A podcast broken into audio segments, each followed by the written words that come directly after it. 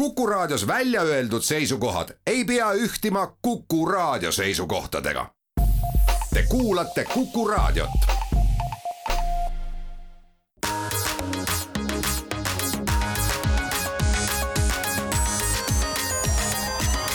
digitund. digitunnile ja digimaailmale annab hoogu Telia tere hommikust, head Kuku raadio kuulajad, on esmaspäev, seitsmeteistkümnes aprill ja Digitund alustab. stuudios on Indrek Vaheoja, Mait Tafenau ja Andrus Raudsalu ning saate teises pooles liituvad meiega Greta Preast, M-riigi tootejuht ja Kaili Tamm Majandus-Kommunikatsiooniministeeriumist, kellega me räägimegi siis sellest äh, M-riigi rakendusest, mis varsti-varsti hakkab meie kõikide telefonidesse jõudma, aga natuke kannatust veel selle kiire asjaga, et räägime kõigepealt uudistest ja mulle tundub, et meil on vist mõned äh, turvauudised jällegi noh, ikkagi tuleb inimestele meelde tuletada, et ei tasu igasse kohta äh, anda kõikvõimalikke isikuandmeid ja panna oma koode eriti ja paroole. kusjuures selles mõttes on täiesti õige nagu nendest teemadest ju selles mõttes rääkida, et, et vahel nagu meile tehnoloogia inimestele eriti paljud asjad, mis tunduvad elementaarsed ei ole nagu tavalisele inimesele nii elementaarsed, et noh, minu arust valdav osa turvaprobleeme juhtuvad sellepärast, et me lihtsalt tahame oma head tööd teha või, või olla nagu tublid inimesed, noh, täita reeglid, tegin ära nii nagu küsiti ja läksin eluga edasi, eks ju, aru saamata, et seekord tõmmati minu käest välja mingid asjad, mida ma ei oleks tohtinud mitte mingil juhul kellelegi jagada, aga, aga arusaamine, et see on elementaarne, et neid ei tohi jagada, ei ole lihtsalt inimestele teada ja mis siis hetkel nagu on väga teemaks, on, on Facebooki marketplace'i igasugused pettused. ja selles ei ole ka midagi uut, paljud tuttavad on rääkinud juba viimased paar aastat, et nad ei taha marketplace'is midagi müüa, sellepärast et skämmerid lendavad peale kohe. jah, ja täitsa tüütult, eks ju, ja hakkavad pihta ja sa ei, noh, asjalikke neid inimesi on ju vähem ja, ja sa lihtsalt ei jõua nende skämmeritega tegeleda, aga aga, aga neid skämme nagu mõlemale poole, nii müüjate poole peale kui ostjate poole peale ja mis siis nagu hetkel nagu on ka politsei poolt äh, välja toodud juhtumeid järjest, et politsei poole pöördus inimene, kes soovis Facebooki marketplace'ist osta ma ei tea, antud juhul korvtooli, eks ju, müüja saatis kulleri lingi, kuhu ostja pidi sisestama andmed ja tegema makse. aga makset tuli allkirjastada mobiil-ID-ga, aga korduvalt küsiti valet summat ja ostja proovis tühistada, mitte teostada, aga hiljem selgus konto väljavõttest, et pangakonto oli tühi ja, ja nii edasi ja nii edasi, et noh, noh, on olnud erinevaid juhtumeid, erinevaid kirjeldusi siin, kus siis kasutaja on andnud välja näiteks oma PIN-koodid noh, nii lihtsalt, kui see jaburalt, kui see kõlab ja, ja või siis kopeeritud on näiteks kullerfirma lehekülg, näeb väga väi, autentne välja, täidad ära, allkirjastad, teed kõik toimingud, aga samal ajal aru saamata, et sa tegelikult allkirjastasid hoopis pangakonto tehingu taustal, eks ju, et, et, et selles mõttes te peate lihtsalt olema tähelepanelikud ja kindlad olema, et see ostja, kellelt te seda kaupa ostate, noh, võiks olla kuidagi nagu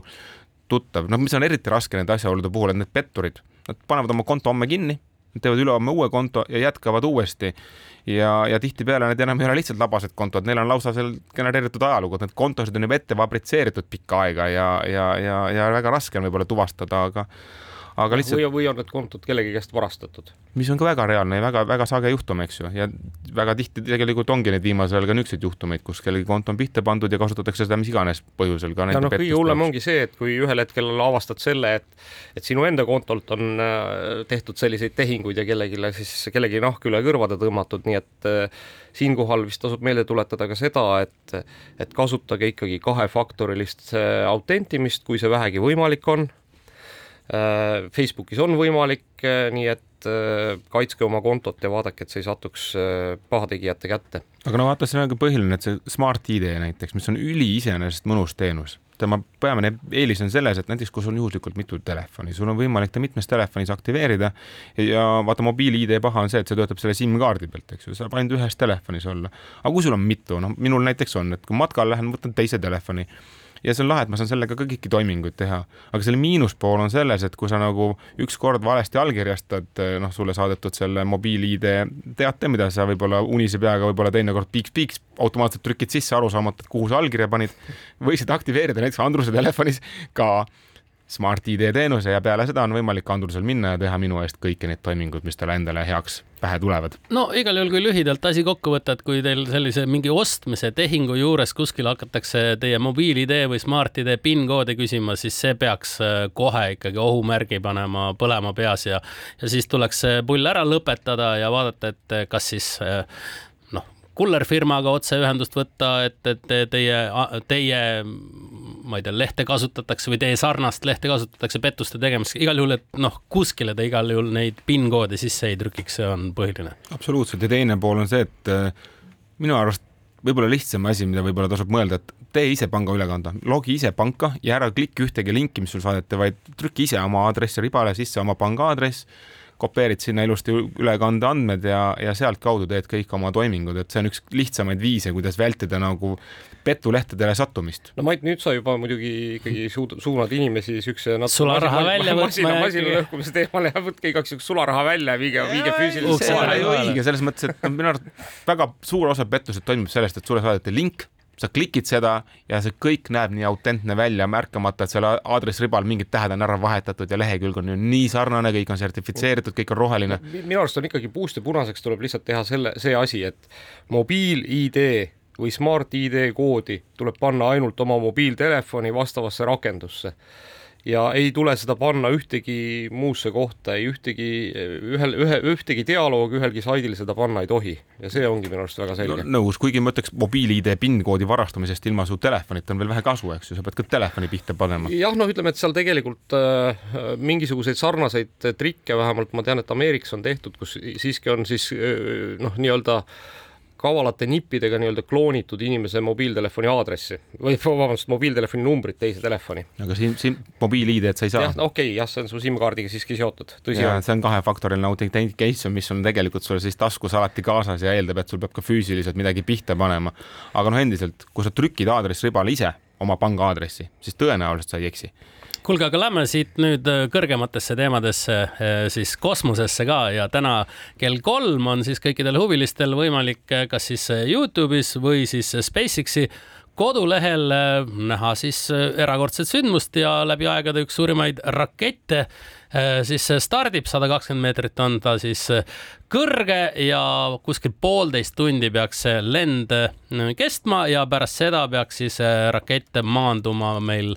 ookeani ja noh, siis pärast jällegi minema millalgi uuesti üles kosmosesse, kui kõik hästi läheb jah, siis kui merevesi on välja kallatud seest. jah, välja kallatud, ära kuivatatud, uuritud. Äh.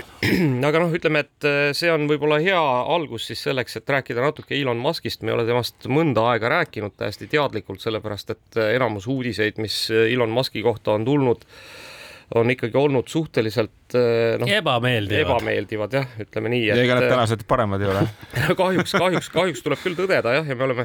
Twitterist rääkimist ikkagi pikalt tagasi hoidnud ja iga kord, kui noh, ütleme, et siin võib-olla me Indrekuga tahame isegi natuke suu lahti teha Twitteri teemadel, siis Mait pistab kisama ja ja viskab meid erinevate asjadega, keelab selle ära, nii et aga siiski, siiski ma arvan, et noh, eelmisel nädalal juhtusid mõned asjad ikkagi, mille äh, kui ma tohiks, ma isegi kommenteeriks seda. mille juures seda. ei saa nagu suud kinni hoida. teate, miks ma ei tahaks Twitterist rääkida, on see, et minu arust täna nagu uudiste kokkuvõte toob selle kuidagi väga hästi esile. Nad üritavad lausa minu arust nagu vaigistada sellel teemal, et Ukrainas on sõda, et nagu polekski sõda, et selles mõttes selleteemalisi säutse võetakse lihtsalt tuimalt maha, eks ju, on lastud tagasi kõik inimesed, kes sellel teemal nagu tegelikult ei peaks üldse sõna saama võtta. et tegemist on sattunud, saanud niisuguseks nagu ma ei oska öelda nagu vale propagandakanaliks või, või millegiks imelikuks. vot ei tea mõttes... jah, eks, eks Elon Musk'i peas on mingisugune veider arusaam sellest, et kuidas siis noh, mis, mis on sõnavabadus ja kuidas seda sõnavabadust siis peaks nagu rakendama ja ja noh, ta on ise muidugi, eks kõvasti selle eest välja astunud ja võidelnud äh, Twitteris, aga noh, ennem seda veel, kui Twitter tema oma oli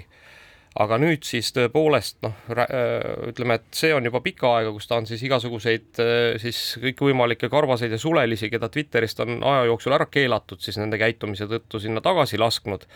aga minu arust möödunud nädal oli ikkagi viimane piir, et ta äh, siis taastas ka Vladimir Putini konto ja Vene välisministeeriumi konto ja mõned teised veel seal äh, Venemaa näiteks saatkondade, erinevate riikide saatkondade kontod, mis olid siis sõja algusest kinni pandud, nii et noh, ausalt öeldes äh, ma ei saa aru, mis selle inimese peas toimub. no üks asi, mille ju Musk lubas kohe likvideerida Twitteri omandisse saamisel, oli see, et suur botide armee kaob ära, et need, neid botide kontosid oli nii palju. nüüd sellel möödunud nädalavahetusel igasuguste erinevate Ukraina pooldavate blogide aadressile tuli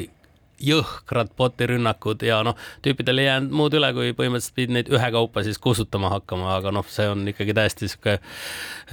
noh, väga raske töö. just ja nüüd, nüüd siis lisaks kõigele sellele siis möödunud nädalal siis ikkagi hakkasid ka suured siis meediamajad Twitterist lahkuma, et ütleme, et mõnes mõttes sai see alguse sellest, et siis Twitter märkis nii-öelda riigi poolt rahastatud organisatsioonideks siis äh, USA-s kaks avalik-õiguslikku ringhäälingu organisatsiooni, äh, siis Public Broadcasting Service ja National Public Radio, kes ikkagi ei ole kuidagi noh, ütleme, et riigi poolt rahastatud, on noh, Rossija Today, eks, et kus makstakse siis nendele uudisteangrutele raha selleks, et nad räägiksid täpselt sellist juttu, nagu Putinile meeldib nüüd PBS ja NPR on täpselt samasugused nagu meil ERR, kus siis ikkagi noh, ükski ERR-i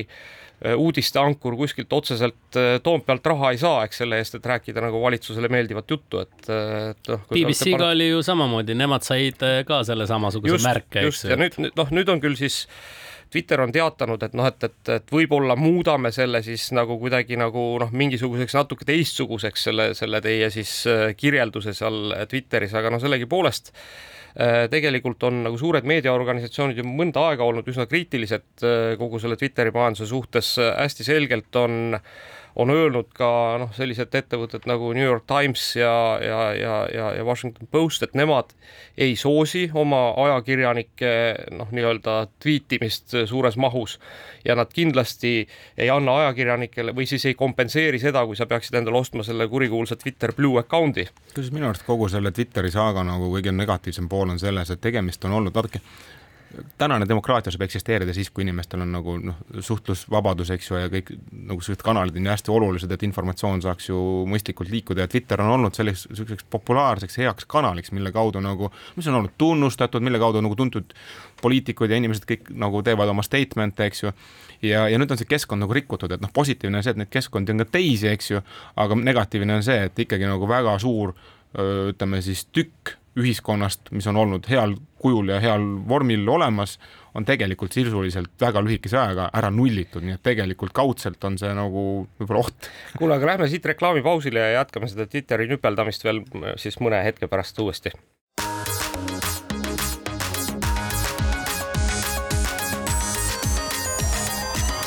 digitund. digitunnile ja digimaailmale annab hoogu Telia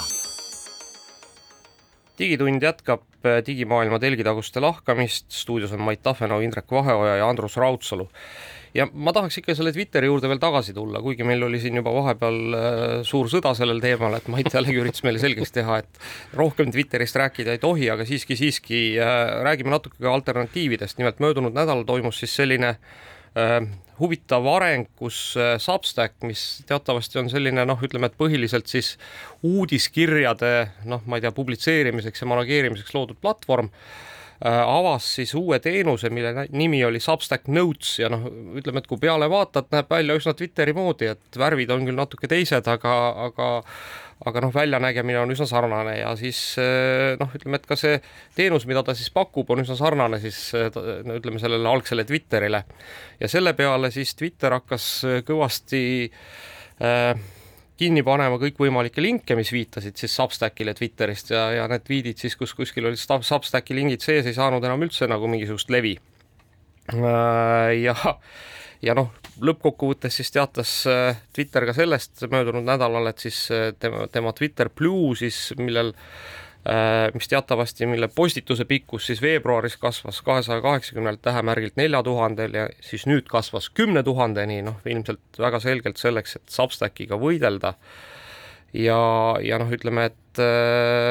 no minu arust on ausalt öeldes suhteliselt inetu selline noh, kuidagi nagu kon-, konkurentsi piiramine toimunud aga noh, sealt edasi minnes äh, oli möödunud nädalal ka üks huvitav intervjuu, kus äh, Elon Musk ikkagi BBC-le tunnistas, et äh, et Twitteri omamine on väga raske. Üllatus, üllatus. Aga, aga seal noh, ta ütles umbes ka sellise lause, et ta ikkagi oli sunnitud seda tegema, sellepärast et muidu noh, tahes-tahtmata oleks siis kohus sundinud teda niikuinii Twitterit ära ostma, nii et nii et noh, ütleme, et äh, edaspidiseks on niisugune hea õppetund, et tasub ikkagi mõelda, mida sa, mida sa välja ütled. aga muidugi võib-olla me siin süüdistame Musk'i ilma asjata, sest et ta on sealsamas BBC intervjuus öelnud ka seda, et tema on oma sõna pidanud ja uus Twitteri tegevjuht on tegelikult tema koer Flocki, nii et, et ta ise ei puutu üldse asjasse. et noh, hea moodus oma käed puhtaks pesta, öelda, ma ei tea, noh, minu koer on kõiges süüdi. jah, aga no ma ei tea, ühesõnaga see on, asi läheb ikkagi päris koomiliseks, et, et ma noh, võib-olla ongi aeg nüüd lõpetada, on ju, vastavalt Maidu soovile, võib-olla üks, üks, üks, üks, kaks, kaks asja ma tahaks siia lisada, on ju, et, et üks asi, mis on see, et, et, et ega selle sotsvõrgu pidamine üldiselt ikkagi väga lihtne ei ole, et noh, kui te mäletate, siis tollel hetkel, kui Elon Musk veel Twitteri omanik ei olnud, siis tekkis igasuguseid teisi sotsvõrgustikke, kes siis noh, ütleme, et olid nagu rohkem niisugused sõnavabaduse eest väljas kui, kui Twitter tollel hetkel ja siis äh, oli üks selline väga prominentne äh, konservatiivset maailmavaadet levitav sotsvõrgustik, sotsvõrgustik nimega Parler. Ja möödunud nädalal siis tuli ka teade, et, et, et Parleri omanikud ikkagi müüvad Parleri maha ja see, kes selle Parleri ära ostab, paneb ta kinni. Äh, kuigi noh, plaaniga ta ühel hetkel uuesti lansseerida, aga noh, millal see juhtub, seda veel ei ole teada. no kui kõik ju Twitterisse tagasi lasti, siis ei ole mingit põhjust seda alternatiivset võrgustikku pidada, et märksa odavam on ju siis äh, põhivõrgustikus möllata. no just, aga nüüd äh, kiire selline ähm, pööre siis tehisintellekti teemadele, aga ikka veel Twitteri twistiga, nii et möödunud nädalal siis Äh, tuli avalikuks ka info, et Twitter on siis ostnud kümme tuhat graafikaprotsessorit väidetavalt siis selleks, et hakata arendama mingisugust oma keele, nii-öelda keelemoodulit ja, ja, ja noh, ütleme siis tehisintellekti selle baasilt. noh, loomulikult Twitteril on tohutul, tohutus koguses sisu, mille, millega siis äh, tehisintellekti treenida aga noh, mulle tundub, et see on jälle üks selline Elon Musk'i noh, niisugune personaalne eh, vendeta, noh, kui me mäletame, siis tegelikult Elon Musk oli üks OpenAI ehk praeguse juhtiva siis tehisintellekti arendaja, asutaja, eh, kes lahkus sealt aastal kaks tuhat kaheksateist ja, ja noh, ütleme, et kurjad keeled räägivad, et tegelikult tollel hetkel läks ta ikkagi siis tollase ja praeguse ettevõtte tegevjuhi Sam Altmaniga tülli, kuna noh, talle tundus, et ikkagi ettevõte piisavalt kiiresti ei arene ja noh, ta tahtis seda ise juhtima hakata, noh muidugi ilmselt tänaseks juhiks seda ka võib-olla tema koer. Aga, aga noh, siis, siis see nii ei läinud ja Elon Musk lahkus ja noh, eks ta nüüd võib-olla siis üritab Twitteris uuesti seda oma tehisintellekti äh, arendamise soovi välja elada. no täna vist on neid ettevõtteid juba pigem vähem, kes juba ei arenda mingisugust ai-d, et noh, kui midagi on ikkagi tõestatud, et see niivõrd hästi töötab, inimestele korda läheb ja noh, tõesti ei ole olnud ühtegi nagu teenust maailmas, mis oleks nii kiiresti nagu nii suure kasutajate massi saanud kui OpenAI chat GPT, eks ju, siis, siis noh, tõesti noh, kui sa tahadki natukenegi tehnoloogia vallas esineda, siis peab sul olema ka ai tugi viisil või teisel ja, ja noh, ai äh, siis äh, liikumisest massidesse äh, nüüd osadele pingi kasutajatele on siis hakanud juba saabuma ka siis tehisintellekti poolt genereeritud vastused pingi otsingumootorite vastustes sekka, nii et noh, kui va vanasti kuvati neid siis kuhugi eraldi, siis nüüd ilmuvad nad siis sealsamas otsingumootorite muude vastuste hulgas. Ja noh, isegi sellisena, et seal on võimalik siis nii-öelda seda dialoogi selle tehisintellektiga jätkata ja ja hea uudis on ka muuseas äh, Pingi vallast äh, siis äh, iOS-i kasutajatele, nimelt siis Microsofti SwiftKey on niisugune alternatiivne iOS-i klaviatuur, mis vist vahepeal isegi kadus ära, aga nüüd on tagasi ja nüüd on siis tagasi sellisena, et sealt on võimalik siis läbi selle klaviatuuriga pingile teha päringuid ja nendel, kellel on siis juba läbi pingiga ligipääs äh, Äh, siis äh, chatbot idele, siis, äh, siis tegelikult on võimalik seal klaviatuuris ka chat ida paar sellist äh, populaarkultuuriga seotud äh, ai uudist ka ja nimelt on üks äh, siis digitaalraadio teinud väga vinge reklaami endale ja reklaamis astuvad üles siis sellised juba ammu meie seast lahkunud tüübid nagu Prince, Notorious B.I.G ja Kurt Cobain, kes siis reklaamivad ja ütlevad, kuivõrd hea ikkagi uus digitaalraadio on ja kasutatakse selleks siis sellist firmat nagu Eleven Labs ja nemad siis tegelevadki selliste asjadega, kuidas siis kunstlikult häält genereerida. ja teine asi, mis on siis Tiktokis põhjustanud päris kõva viraalkampaania, on siis Drake'i ja The Weeknd'i kollaboratsioon mis on siis täiesti ai poolt välja mõeldud, sellist lugu pole kunagi koos lindistatud, aga no inimestele väga meeldib. keegi väga täpselt aru ei saa, et, et see ei ole nagu päris lugu ja, ja see siis on vist ka siin uurijate poolt juba välja selgitatud, et üks selline firma nagu Laylo, et nemad võivad selle taga olla, aga igal juhul jah, paljud laulukirjutajad on, on hämmingus ja ütlevad, et see on ikka päris hirmutav, mis siin toimub no vot, äh, ütleme, et siin tõenäoliselt on varsti äh, paljud animaatorid ka hämmingus. Meta möödunud nädalal näitas siis sellist vabas kasut-, vabasse kasutusse antud tehisintellekti jupikest, mis siis võttes sisse noh, mingisuguse ükskõik siis kelle joonistatud pildi, äh, on suuteline selle siis, sellest tegema animeeritud karakteri, nii et noh, põhimõtteliselt kui siis ma nüüd täna joonistaks kriipsujuku Maidust ja saaks selle sinna üles laadida, siis põhimõtteliselt võiksime hakata seda Maitu animeerima ja tegema temast multifilme. Aga üks põnev lugu on veel juhtunud siis Stanfordi ülikooli tudengite käe läbi, kes on pannud siis kakskümmend viis chat GPT poolt juhitud tegelast elama sellisesse Simsi mängu sarnasesse virtuaalmaailma ja tuleb siis välja, et äh, need äh, chat GPT poolt kontrollitud tegelased on väga head taustategelased. Ja just nimelt, et neil on kõik meeles, mis nad seal rääkinud on, seal toimub niisugune järjepidevus ja neil on seal oma päevased tegevused, kes seal äh, planeerivad oma päeva ja, ja kuidas ja mis ja mis jutud ja peo planeerimised, et kõik see maailm on läinud väga põnevaks ja, ja seal on inimestel võimalik ka kaasa lüüa, aga tuleb välja, et chat GPT kontrollib selliseid kõrvaltegelasi oluliselt paremini ja palju põnevamalt põnevamalt ja, ja ütleme, inimeste eh, poolt juhitud tegelane paistab välja sellega, et ta on lame. ja ei, kusjuures, kusjuures mulle tundub ka, et, et seal nagu noh, ütleme, et võib-olla sotsiaalteaduste valdkonnas on siin uus läbimurre, eks, et, et sa ei pea enam inimeste peal nagu mingisuguseid katseid tegema, vaid, vaid targem on seda teha nende nii-öelda bot'ide peal, sellepärast et tuli välja ka muuseas see, et et inimesed, kes siis noh, nii-öelda kehastasid kedagi seal maailmas, nad kehastusidki selleks kellekski ja noh, olid väga ebaloomulikud selle mm -hmm. juures, eks, et, et mhm. tegid väga ebaloomulikke tegevusi. aga noh, need bot'id olid siis täiesti loomulikud tavalised inimesed ja noh, mis kõige naljakam oligi see, et, et, et see noh, nad kiiresti nii-öelda langesid, ma ütle, võiks öelda vist, et suhtelisse rutiini, et hommikul tegid süüa, läksid tööle tegid no,, tegid päev läbi tööd. nagu tavalised inimesed peaksidki olema, eks ole, ja kõigil olid seal umbes päevakava valmis sellel sellel kellaajal söön, siis pesen, siis lähen tööle, siis lähen lastele kooli järgi ja, ja niimoodi ongi ja päevast päeva nagu see rutiin meil siin igapäevaselt ka teistel on. minu arust oli kolm huvitavat nagu tähelepanekut, mis ka tehti, et üks oli see, et ikkagi hakkasid levima äh, noh, kuulujutud mm. -hmm. see oli nagu esimene asi, teine asi oli see, et, et siis ikkagi nendele bot idele meeldis Äh, teistega rääkida sellest, kuidas nad teiste botidega olid suhelnud. ja, ja no lisaks oli siis ka, et no sihuke hakkas ka koordinatsioon toimuma, et Just. kui keegi botidest oli organiseerinud näiteks ilusa suure sünnipäeva, siis kõik olid sellest teadlikud ja, ja siis ka vastavalt tegutsesid edasi. nii et põnevaid eksperimente tehakse ja, ja toimuvad need siis igapäevaselt meie ümber, aga läheme siitkohalt reklaamipausile ja oleme juba varsti tagasi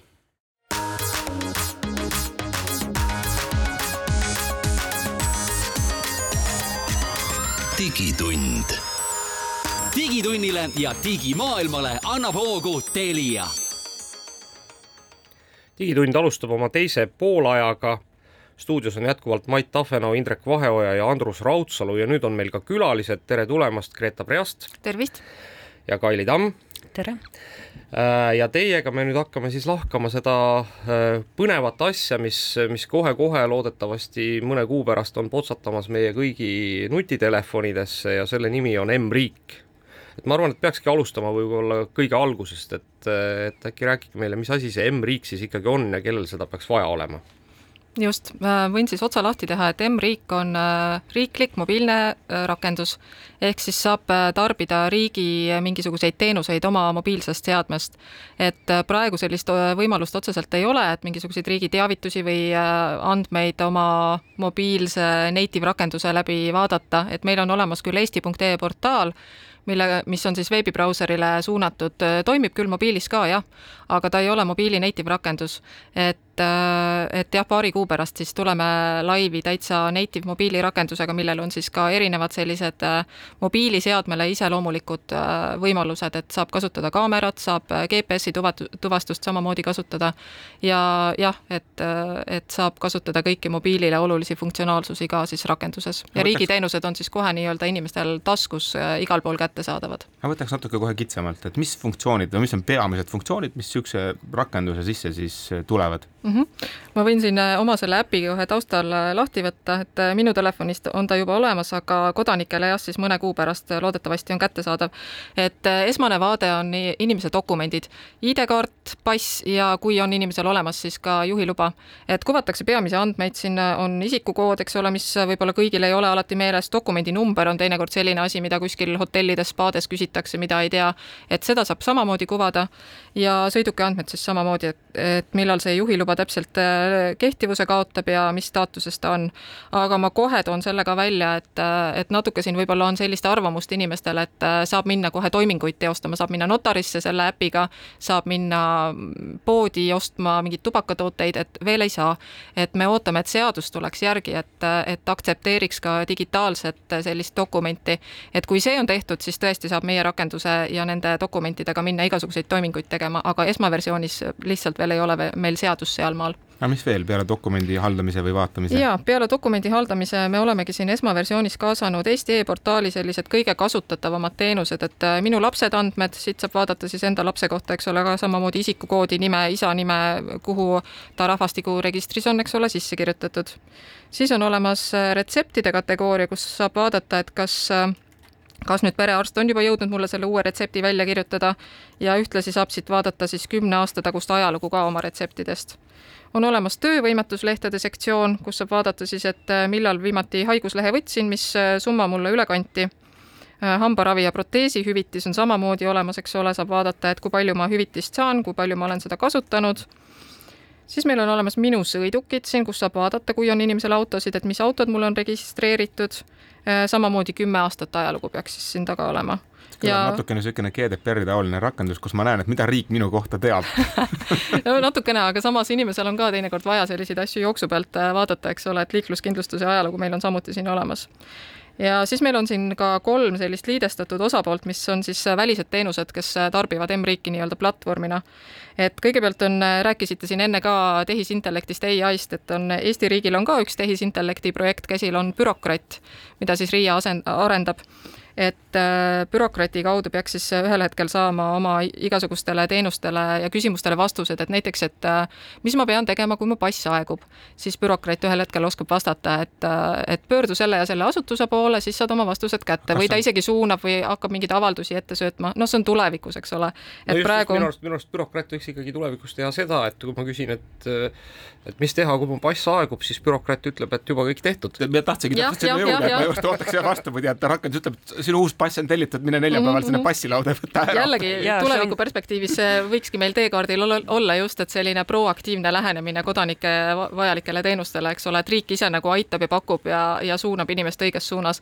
et ega kogu selle nii bürokrati kui ka M-riigi eesmärk laiemalt ongi ju tegelikult see, et inimene ise ei pea teadma, kust ta mingisuguseid riiklikke erinevaid teenuseid kätte saab. et äh, tema jaoks on, kõik on üks äh, riik tervik ja, ja see, et on mingisugused erinevad ministeeriumid või erinevad asutused, mingid rahvastikuregistrid, politsei ja piirivalveametid, see on inimese jaoks juba keeruline. samamoodi ka füüsiliselt, eks ole, kuskil kohal käia, et, et lähen, seisan siin järjekorras ja siis pean seal tõestama midagi. et see ongi tegelikult laiemalt meie selle digiriigi eesmärk aga üks niisugune tagurpidi küsimus, et kui ma praegu saan enda kohta igast infot vaadata, aga samas meil on riigis vaja ka igast toiminguid teha, mingeid avaldusi on vaja teha, noh, ma ei tea, abiellud, said lapse uh, -huh, nime uh -huh. panna kas sellised tegevused või niisugused äh, toimingud saavad ka selle rakenduse kaudu kuidagi mugavamalt, et saan uue lapse nime panna telefoni kaudu?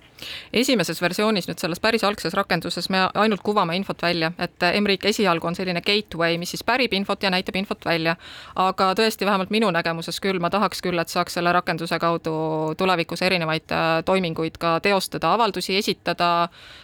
mingit infot suunata, et jah, et see liiklus toimuks nii-öelda kahtepidi. no kuidas MKM seda näeb, mis on teie vaates niisugune digiriigi tulevik või, või kuidas see telefonirakendus teie visioonidega haakub? väga hästi haakub et äh, selles mõttes, et kogu sellesse ökosüsteemi kindlasti sobitub väga kenasti. et äh, võib-olla üks asi ongi see, et noh, mida me ise arvame, mida võiks saada selle mobiilirakenduse kaudu veel teha ja nii edasi, aga tegelikult me oleme ju kaasanud hästi palju kasutajaid, potentsiaalseid kasutajaid, M-riigi kasutajaid, et kasutajatestid on nüüd äh, kohe-kohe algamas ja tegelikult me sooviksime iseenesest ka sealt saada seda tagasisidet hästi palju, et mis need teenused siis ikkagi on ja millisel kujul, et mida inimesed soovivad äh, tegelikult mobiilirakenduses kasutada. noh, mingid asjad tõenäoliselt jäävad veel mõnda aega brauseris kättesaadavaks, sellepärast et mõnd-, mingisuguseid, ma ei tea, pikki vorme on tõenäoliselt ju oluliselt mugavam äh, tele, äh, arvutis täita. aga jah, et mis, mis me nüüd nagu tahakski nagu teistmoodi teha, et mitte nüüd ainult selle M-riigi rakendusega, vaid üleüldse edaspidi ka, et hästi palju kaasata ikkagi ikkagi kasutajaid nende teenuste arendamisse ja võimaluste arendamisse, seepärast et üks asi on see, mida meie arvame, et võiks vaja minna, teine asi on see, mida inimene ütleb. ma siitkohalt kohe hea, hea küsida, et kas äh, täna veel on võimalik ennast panna kirja M-riigi testijaks? Äh, me panime selle testimisvormi tegelikult juba äh, kinni, sellepärast et meil oli peaaegu kolm tuhat inimest, kes oli selleks esmaseks testijaks registreerinud ja see on tegelikult sellise väga väikse üleskutse kohta väga-väga suur number. et äh, me tegime, MKM-i alt läks siis see pressiteade välja, millest tulid mõned ajaleheartiklid ka, et väga palju me ise ei pidanudki tegelikult otsima, et ma tean, et siin osad,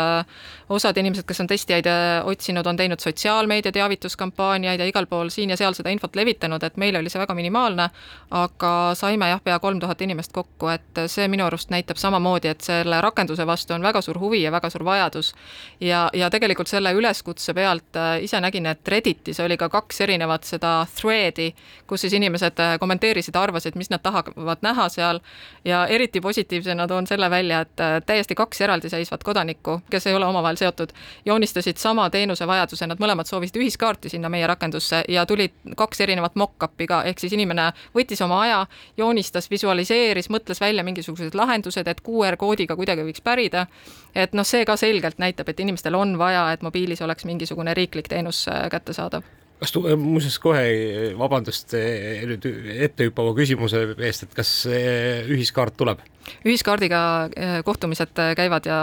jah, teeme koostööd, et vaatame. et natuke peab tõenäoliselt rakendust siis ümber kirjutama, et päris eh, kohe nüüd kolme kuu pärast ei saa seda ühiskaarti sinna pardale, aga ma ise näen ka selget vajadust ja ega mina ju olen samamoodi kodanik, et täpselt samamoodi teinekord on mul see roheline plastikkaart on vale jope taskus ja tekib ootamatu vajadus bussiga sõita ja siis ma mõtlen, et no aga mul on mobiil ju kaasas, miks ma ei saa. kusjuures ma arvan, et see ongi peamine asi, mida mina isiklikult samuti ootan, et noh, kui ma olen üritanud rahakotist juba aastaid lahti saada, saada, eks ju, noh, maksta saan telefoniga täna mm. -hmm mul on jäänud taskusse veel niisugune väike kaarditasku, kus pehmelt öeldes on jäänud uksekaardid, eks ju, kus ma erinevatesse kohtadesse pean saama. ja siis mõned dokumendid ja on ka mõned kauplused, kelle kliendikaarti sa ei saa ignoreerida, eks ju, kahjuks just, tahaks küll, aga. kas sul kodanikuna endal sellist tunnet ei ole tekkinud, et kui mõni teenus on eriti selline, mis sulle tundub, et peaks olema see, et ma nüüd surun selle niimoodi ametlikku agendasse sisse ka?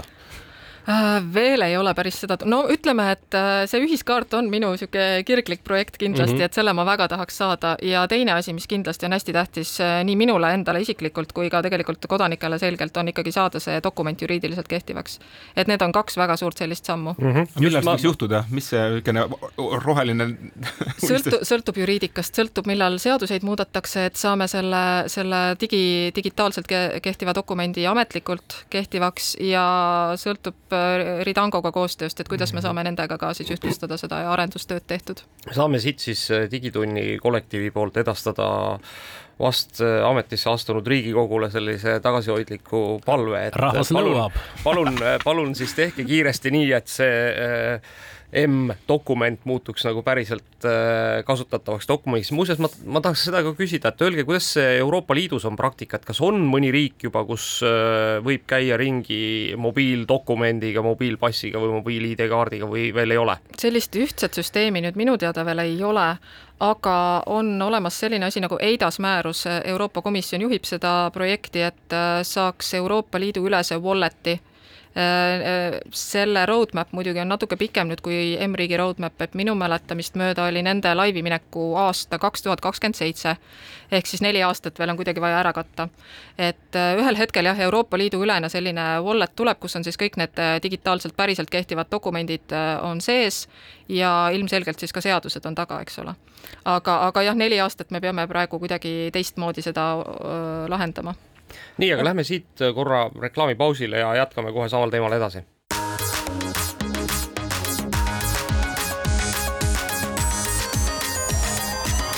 digitund. digitunnile ja digimaailmale annab hoogu Telia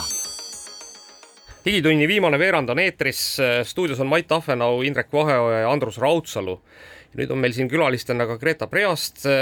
M-riigi tootejuht ja Kaili Tamm Majandus- ja Kommunikatsiooniministeeriumist ja me just lõpetasime diskussiooni sellel teemal, et millal M-dokument muutub päris dokumendiks ja Äh, Kaili, kas sul on infot, et ikkagi Euroopas on vähemalt noh, nii-öelda siis mitte Euroopa Liidus, aga Euroopa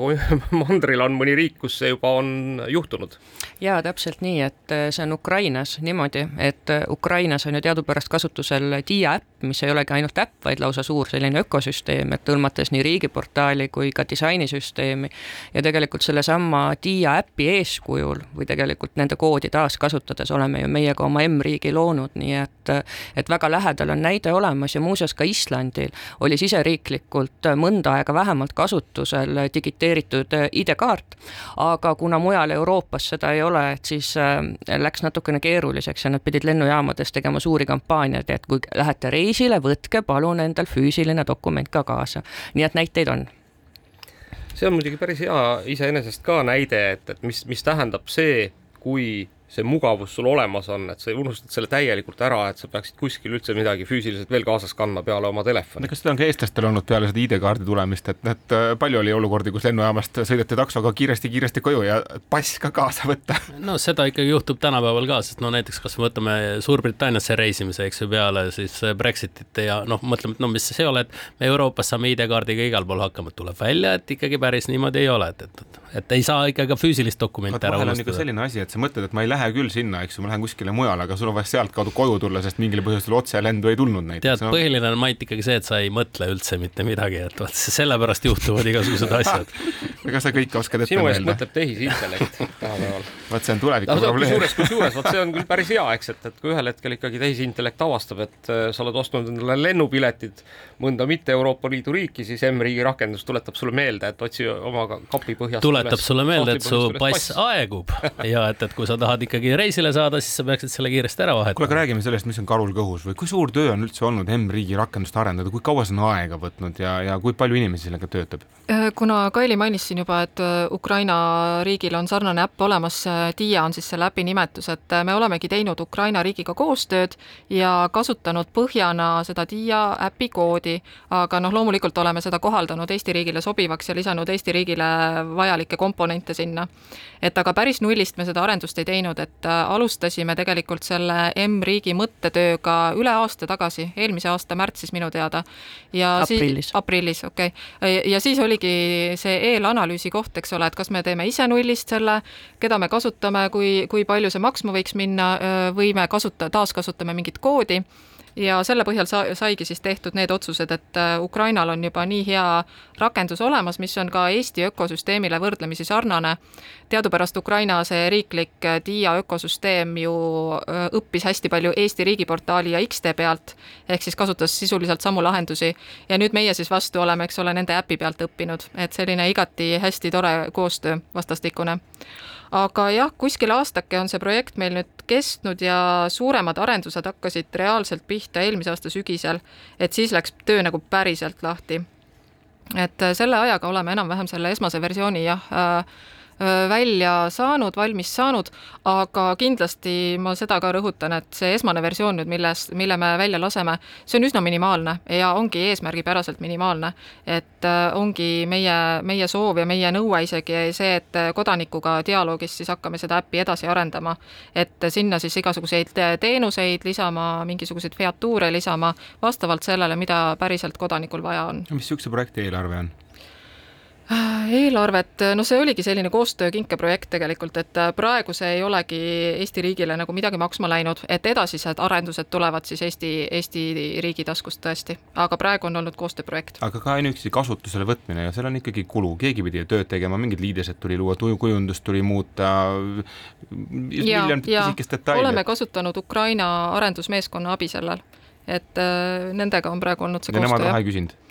Äh, nemad saavad äh, seda raha, saavad kindlasti loomulikult palka, ega keegi seda nüüd äh, puhtast sellisest patriotismist ei tee. aga Eesti riik seda ei ole maksnud, jah selles mõttes on minu arust on see noh, see jutt, mida ma kuulen, on ikkagi päris äge, et, et, et esiteks mul, mis mulle kohutavalt meeldib, on see, et et riigi rakendus noh, ikkagi noh, väga korralik ja, ja, ja vajalik rakendus on valmis arendatud vähem kui aastaga noh, me teame siin küllaldaselt näiteid, kus selleks on kulunud nagu ma ei tea, viis või kümme aastat ja lõpuks on see asi veel prügikasti visatud, mis on arendatud, ma ei hakka nimesid nimetama, aga on olnud mõned juhtumid mõne viimase aasta jooksul. teine äge asi on see, et et nii nagu väga paljud Eesti teised äh, ettevõtted kasutavad äh, näiteks Ukraina tarkvaraarendajaid, noh, mis, mida muuseas äh, noh, eriti tänasel hetkel on super teha, sellepärast et tarkvaraarendus on üks väheseid valdkondi Ukrainas tegelikult, mis noh, ütleme põhimõtteliselt hoiab seda majandust vee peal, sellepärast et noh, seda noh, koodi liikumist õnneks kuidagi Vene sõjalaevad ei saa takistada. Et see liigub ikkagi mööda digitaalseid kanaleid, et et noh, ma ausalt öeldes siin tahaks öelda ainult kiidusõnu, et, et, et, et riik noh, mulle tundub, et on toiminud antud juhul noh, nagu mõni paremat sorti startup äh, Eestis on, ise tunneme samamoodi oma meeskonnaga, et töötame mitte riigiasutuses Riias, vaid äh, startup'is, et, äh, et üsna selline agiilne arendus on olnud. ja Ukrainaga on tõesti, Ukraina arendusmeeskonnaga on väga-väga hea koostöö olnud selles mõttes, et äh, nemad on võrdlemisi noor digiriik võrreldes Eestiga ja neil on väga palju, kohati vähemasti, uuemad ja paremad tehnoloogilised lahendused, et meil on riigina olnud sealt pealt päris palju õppida. et meie arhitekt, ma tean, on ka kaasa võtnud palju tarkusi just sealt Ukraina poole pealt ja siin Eesti riigis siis implementeerinud. et et ma lisaks veel võib-olla juurde, et, et võib-olla, et äh, Ukrainas on ju tegelikult ju digiministeerium täiesti olemas, et ega me oleme MKM-ina nagu vaadanud ikkagi, võtnud sealt ka šnitti, et kuidas võiks asju võib-olla teha, et tõesti niimoodi natukene startup ilikumalt räägime, räägime natuke võib-olla veel paari sõnaga sellest Ukrainast, et on seal mõni äge asi, mida täna Eestis ei ole, mida te juba täna kindlasti teate, mida võiks äh, üle võtta või mida tahaks üle võtta? no ikka see dokument jah, et, äh, et et äh, neil see kehtib äh, riigisiseselt kindlasti ja ma tean, et mõned naaberriigid samamoodi tunnustavad seda, et ähm, noh, kuna neil on seal sõjaolukord ja teinekord ongi, eks ole, pomm plahvatab, ainult mobiil on taskus, peab jooksma, siis ma tean, et näiteks Poola riik on selline, kes võtab põgenikke vastu selle äpi alusel, et äh, Poola riigil on võimekus sealt neid andmeid pärida et äh, Eesti riik minu teada teeb praegu just seda projekti, et Eesti riigil oleks ka tulevikus võimalik, äh, Politsei- ja Piirivalveamet oskaks siis pärida Diia äpist äh, neid kodanikuandmeid. et see on ikkagi minu arust kõige lahedam lahendus, et, et mobiilis on päriselt see dokument olemas. ja võib-olla teine asi, mis tegelikult nüüd võib-olla sõja ajal on nagu hästi palju ka sellele Diia äpile Ukrainas nagu nii-öelda hoogu juurde andnud, et tegelikult päriselust on tulnud erinevad vajadused äppi edasi arendada, et noh, näiteks sõjakahjusid äh, näidata või näiteks märku anda sellest, et kus vaenlase mm, jõud liiguvad ja nii edasi, et tegelikult need arendused on nad kõik hästi kiiresti, hästi ruttu ära realiseerinud, et ma arvan, et nagu just see kiirus ja mõtteviis, et äh, see on võib-olla eelkõige see, mida võib-olla nendelt õppida. just, ja igasugused teavitused, et ohuteavitusi saab äh, selle Diia äpi kaudu saata, et siin on praegu mingisugune rünnak, et ära sinna mine või samamoodi inimene saab siis riigile teada anda, et ma pääsesin sinna, minuga on kõik korras, ma olen nagu turvalises paigas. et selline dialoog läbi selle Dia äpi praegu sõjaolukorras väga hästi toimib Ukrainas, jah kes üldse niisugused inspiratsioonid meil on, et ma saan aru, Ukraina on igas mõttes olnud kuidagi nagu täna juba mitmes kord teema. Mm, -hmm. kellelt veelt on midagi õppida uut olnud, kes on niisugused tublid riigid, kus tõesti pannakse väga palju rõhku tehnoloogiale ja, ja, ja efektiivsusele just abivahendina telefoni ja arvuti kaudu? aga kas üldse rõhk peaks olema tehnoloogial või tegelikult kasutajatel, et lõpuks tehnoloogia on ju vahend, mis aitab neid kasutaja vajadusi realiseerida, et ja et, et selles osas me näiteks tegelikult käisime hiljuti Soomes just külas, et äh, jah, et võib-olla nagu see mida nad realiseerivad, et noh, mõnevõrra aeglasemad kui meie, on ju, aga, aga samas see, et kuidas nad mõtlevad ja see, kuidas nad niimoodi väga kasutajakeskselt ja sellist disainmõtlemist kasutades seda kõike teevad, et see on tegelikult üsna muljetavaldav ja samamoodi siis soomlastega tegelikult on ju meil plaanis ikkagi päris, päris koostöö ka, et mitte jääda lihtsalt ainult selliste kogemuste vahetamise tasandile, vaid näiteks äh, erinevate sündmusteenuste puhul oleme juba planeerinud, et kuidas andmeid saaks vahetada. kas Euroopa Liit arendab ka mõnda niisugust, ma ei tea, ei tahaks öelda nagu rakendust, aga template'i, midagi, mida siis saaks kõik liidu liikmed klõpsti kasutusele võtta, et lihtsalt pannes oma disaini liidesed külge ja, ja oleks mingi standard, mida nagu kõik riigid saaks kasutada, et ei oleks nii, et et lähed siit äh, teise riiki ja juba sul mingid asjad on nagu, oled nagu tulnukas, et, et teil Eestis võib tavaline olla, aga meie jaoks see ei kõla üldse hästi. Seesama EU Wallet EIDAS määruse alusel, eks ole, arendatakse erinevates, erinevates riikides, siis võetakse kasutusele ka, aga see jah, aastal kaks tuhat kakskümmend seitse siis peaks tulema välja, aga EU Wallet on küll selline projekt, mis on Euroopa Liidu ülene äh, digikukkur nii-öelda, et dokumendid ja erinevad kaardid saab siis seal hoiustada millal see tulla võiks, mis see niisugune optimistlik? Äh, nelja aasta pärast jah, kaks tuhat kakskümmend seitse on see nende roadmap'i tähtaeg, ma saan aru. ja saab et, ka äkki kiiremini, eks? Kaks tuhat kakskümmend viis võib-olla on esimesed arendused valmis, aga nad annavad, nad annavad aega inimestele ja riikidele seda arendust lõpuni, lõpule viia. võime siin, võime siin digitunnina ka Euroopa Liidule esitada üleskutse, et liigutada kiiremini. kodanikud vajavad sellist ja, arendust, tehtagu ära. eile juba tahtsid. kuulge, aga, aga Greta ja Kaili, aitäh teile, et tulite ja meiega jagasite seda põnevat arengut ja me hoiame kindlasti M-riigi arengul silma peal Äh, proovime seda ise testida, anname oma kuulajatele kogemused edasi ja, ja jõudu ja jaksu, et, et see siis kiiresti ja ägedalt areneks. ja aitäh kutsumast.